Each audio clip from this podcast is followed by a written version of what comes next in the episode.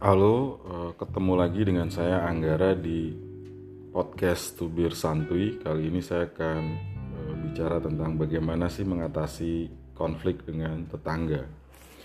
Namanya hidup bertetangga, kita tentu tidak bisa memilih dengan siapa kita akan punya tetangga. Eh, bisa jadi karena kita menyewa atau membeli rumah atau apartemen baru, tentu tetangga kita kita tidak bisa memilih eh, dan sering kali juga ada masalah-masalah yang timbul ketika kita bertetangga. Nah, kita perlu tahu bagaimana kalau muncul masalah bisa memecahkannya dengan baik dan eh, keahlian itu tentu tidak bisa didapat dengan cara yang mudah. Ada beberapa cara yang bisa dipertimbangkan.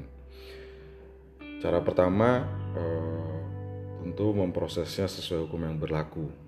Ini cara yang sah dan bisa digunakan, tapi untuk mengatasi masalah yang timbul atau konflik di antara tetangga, saya sangat tidak menyarankannya. Nah, cara yang kedua eh, ini mungkin bisa Anda praktekkan, eh, yaitu menyelesaikan masalah dengan tanpa atau melewati jalur hukum. Nah, pertama tentu Anda harus uh, pastikan bahwa masalah yang timbul tersebut betul-betul adalah masalah yang sangat penting dan tidak hanya sekedar uh, gosip atau chit-chat antar tetangga, tapi benar-benar uh, merupakan uh, masalah.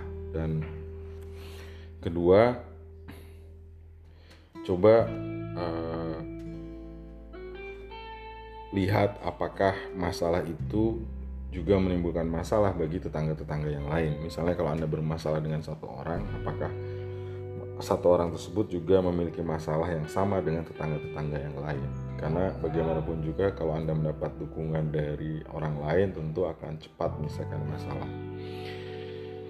Ketiga, cobalah berkomunikasi secara langsung dan dengan e, cara yang sopan sebelum nggak perlu marah-marah ya untuk menyelesaikan masalah. Anda bisa lakukan uh, komunikasi langsung bicara langsung uh, jangan melalui medium uh, teknologi tapi temui langsung. Pastikan Anda menemui di saat yang tepat.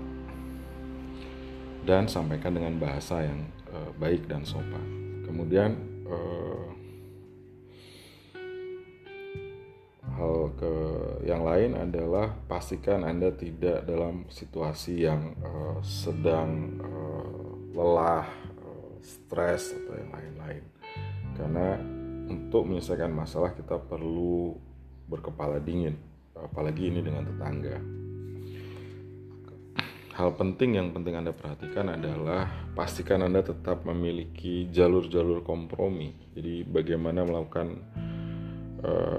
kompromi dengan pihak lain untuk memastikan bahwa uh, ke depan itu tidak akan terjadi lagi.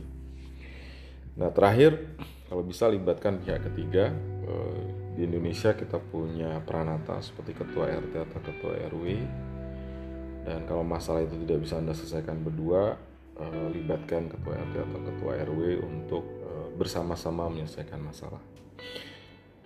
Demikian podcast Tubir Santuy, mudah-mudahan berguna untuk Anda semua. Jangan lupa ikuti kami di media sosial di Twitter, Facebook, uh, Instagram, LinkedIn,